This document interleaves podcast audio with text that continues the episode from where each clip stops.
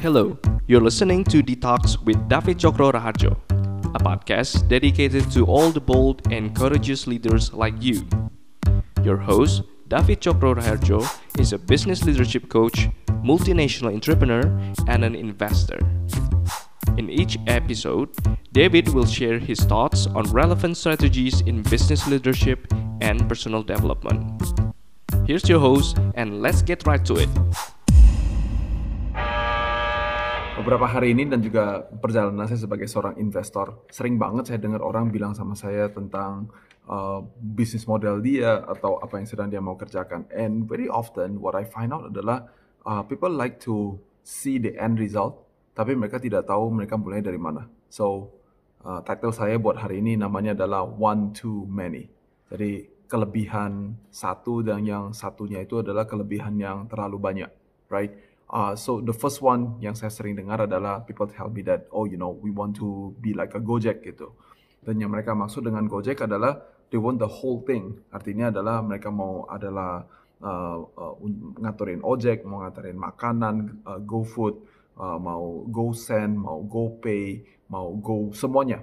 They want the whole thing ecosystem. Dan sering sekali saya harus memberitahukan kepada uh, banyak orang bahwa adalah Gojek tidak dimulai dengan memiliki semuanya. Pada saat pertama kali Gojek dimulai, Gojek dimulai hanya dengan konsep yang gampang. Instead of going ke pangkalan ojek dan panggilin abang ojek untuk pergi anterin barang atau antar dia atau segala macam sedemikian, he says that instead of calling, kita bikin aplikasi yang di mana kita bisa pencet dan si abang ojek itu akan datang ke rumah saya untuk kemudian pick up barang atau dia pergi mengambil barang dan dikirim ke rumah saya and so on and so on and so on. Saya masih ingat di awal-awal daripada Gojek, if you still remember, banyak orang yang pakai Gojek pada saat itu untuk beli martabak. But GoFood was not around. There is no relationship with si penjual martabak sebagai contohnya. It is all sesuatu yang dilakukan later on pada saat Gojek sudah mendapatkan traction dan bisnisnya sudah menjadi lebih besar. So you see, Gojek has the patience untuk fokus di satu bidang terlebih dahulu, baru nantinya dia berkembang. So if you are thinking about your business model, pertanyaan saya adalah, can you do it as simple as Gojek? Bisa bilang adalah satu barang dan kemudian I'm gonna win big on that particular area. Now, also if you look at bagaimana cara mereka berkembang atau ekspansi, marketnya tidak berubah, produknya yang berubah. Kemarin hanya sekedar untuk panggil abang ojek. Sekarang abang ojek yang sama dan juga pengguna yang sama, user yang sama diminta untuk uh, dia dia juga ada kebutuhan untuk kirim dokumen, makanya ada GoSend. Dia juga punya kebutuhan untuk beli makanan, makanya ada GoFood. Dia juga ada kebutuhan untuk membayar, makanya ada GoPay, and so on and so on and so on and so on. Jadi biasanya pasarnya sama, tapi produknya yang berubah. Ini namanya adalah horizontal integration. Nah, yang kedua yaitu adalah konsep daripada vertical integration. Jadi yang pertama adalah horizontal, yang kedua adalah vertical. Di Amerika Serikat ada uh, perusahaan namanya uh, Gap. Nah, gap itu adalah jual pakaian. Nah, vertical integration maksudnya adalah setelah dia kuat di satu pangsa pasar, yaitu adalah untuk se kind of like a middle class ya, kira-kira begitu. Dia satu hari buka brand yang baru, namanya adalah Banana Republic. Banana Republic jual jeans juga, jual kemeja juga, jual uh, sabuk juga, jual topi juga. They had the exact same store, except kualitasnya berbeda, right? Dan harga price pointnya juga berbeda. Dan setelah dua brand ini menjadi kuat, then they created another brand, namanya adalah Old Navy. Dan Old Navy adalah yang paling murah dari tiga brand ini. Jadi sebagai contohnya, kalau beli jeans di uh, Banana Republic, semuanya harganya bisa mendekati satu juta rupiah kalau pakai Indonesian rupiah. Tapi kalau kita beli di Gap, mungkin bisa dapat di harga 500-600 ribu rupiah. But if you go to Old Navy, tiba-tiba harganya, oh, khususnya kalau lagi ada promosi dan macam-macam, bisa semurah cuman 100 ribu rupiah, 150 ribu rupiah. And so they created what what what what happened here, right? Memang produknya berubah, tapi secara prinsip dasarnya produknya tidak berubah, tapi pasarnya yang berubah. Tadi dia melayani hanya kelas menengah, kemudian menjadi menengah ke atas, dan sekarang dia melayani menengah ke bawah. Nah, dengan cara demikian, maka dia melakukan yang kita sebut dengan namanya adalah vertical integration. So, when you build your business, you have to stay focused. Jangan bilangnya adalah pasar ini mau, pasar ini mau, pasar ini juga mau. So, I hope you can see the difference between horizontal integration and vertical integration. And up to this point, this is super duper textbook. Ya, uh, you baca buku um, uh, basic tentang ekspansi, that's basically what they will explain to you. Nah, kita sebagai orang Indonesia, saya mau memberikan pemikiran ini karena agak sedikit bosan saya mesti menjelaskan kepada begitu banyak pengusaha di Indonesia, menjelaskan bahwa adalah yang kamu mau fokusnya apa. In other words, waktu pertama kali uh, orang ini pitching ke saya, if you may, saya biasanya tertarik. Tapi pada saat dia udah masuk di menit ke-5, menit ke-10, menit ke-15, the more you talk about it, the more you are dissuading me, bukan persuading me, tapi dissuade saya untuk tidak invest di perusahaan itu. Karena kenapa? Karena terlalu bercabang-cabang dan terlalu semuanya mau. I think a disciplined entrepreneur mengerti tentang the power of integration. Jadi mulai dari satu titik supaya nanti yang lain-lainnya bisa lakukan. Yang pertama adalah horizontal integration, yang kedua adalah vertical integration.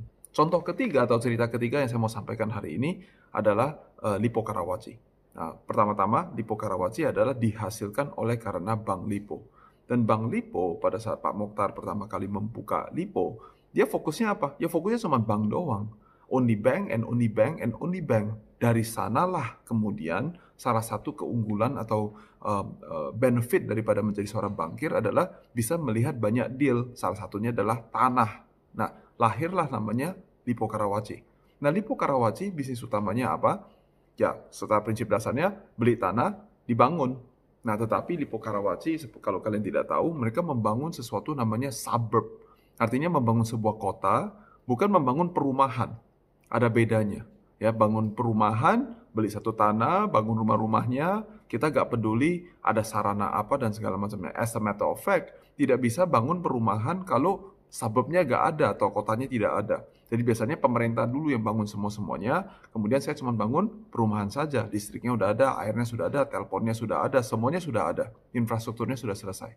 Membangun suburb is a completely different concept kita mesti bangun kotanya. Nah, untuk membangun kota seperti yang kalian mungkin tahu namanya Lipo Karawaci, dia membutuhkan banyak support. Artinya dia mungkin bangun infrastruktur, dia mesti punya town management, dia harus punya mall, dia harus punya sekolah, universitas, gedung kantoran, rumah sakit, uh, res, uh, tempat makan, tempat belanja, you know, and so on and so on and so on. And so on. Now, this is a combination of this vertical and horizontal integration, tapi mereka lakukan dalam satu tempat yang bersama. Yaitu caranya bagaimana?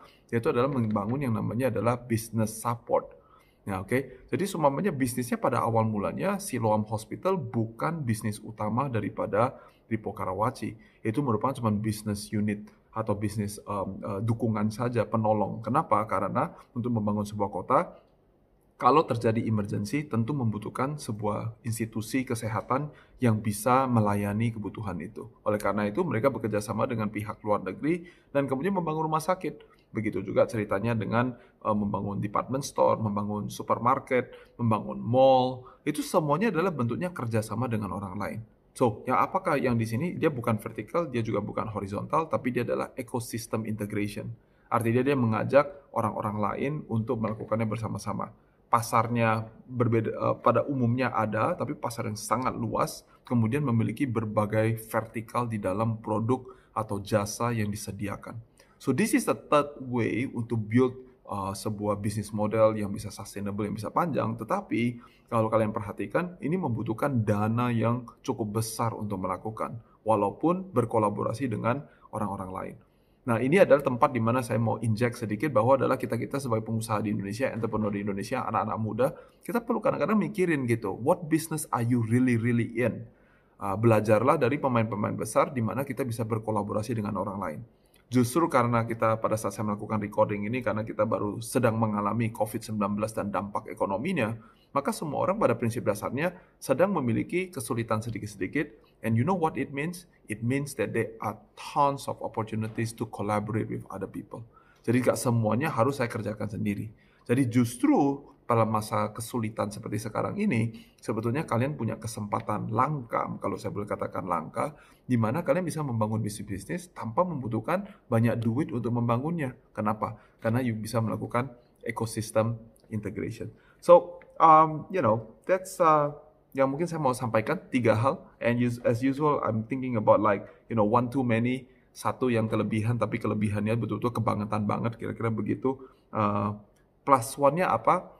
Plus one-nya adalah sampai hari ini, uh, saya masih banyak bertemu dengan banyak entrepreneur yang konsepnya pada saat saya menjelaskan ketiga konsep yang di atas, mereka uh, defense-nya atau cara pandangnya adalah gua ngerti fit, tapi kalau gua gak kerjain sekarang, bakalan dimakan sama orang lain.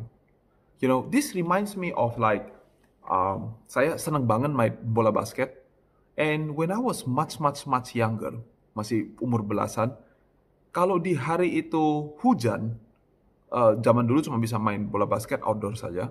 Kalau di hari itu hujan, saya merasa saya bisa moody banget dan saya bisa merasa sedih banget karena saya merasa kayak kehilangan kesempatan untuk bisa main bola basket. And I feel that my world uh, rontok pada sore hari itu karena saya nggak bisa main bola basket. And so, as a disciplined entrepreneur, I think the way you assess the risk dan juga membangun bisnis yang kalian mau bangun, this is a good self check.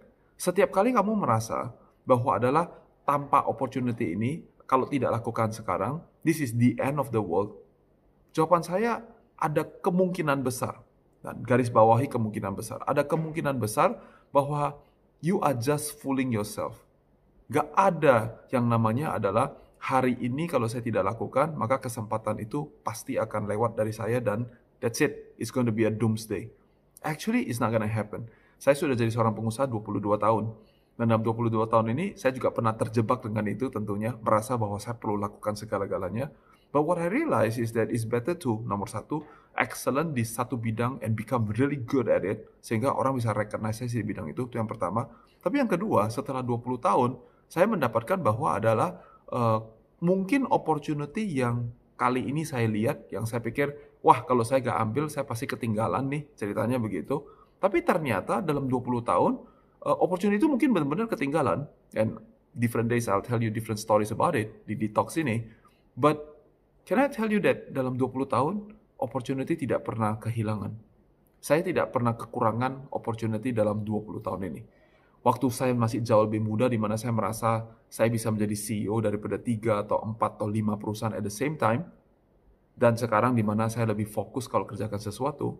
Ternyata dulu sudah kerjain 5 pun masih ada opportunity yang kelihatannya masih bisa dikerjakan. Sekarang pun pada saat cuma mengerjakan satu atau dua, juga opportunity masih banyak. So, my prediction is, 5 tahun dari sekarang, 20 tahun dari sekarang, opportunity akan selalu ada di situ.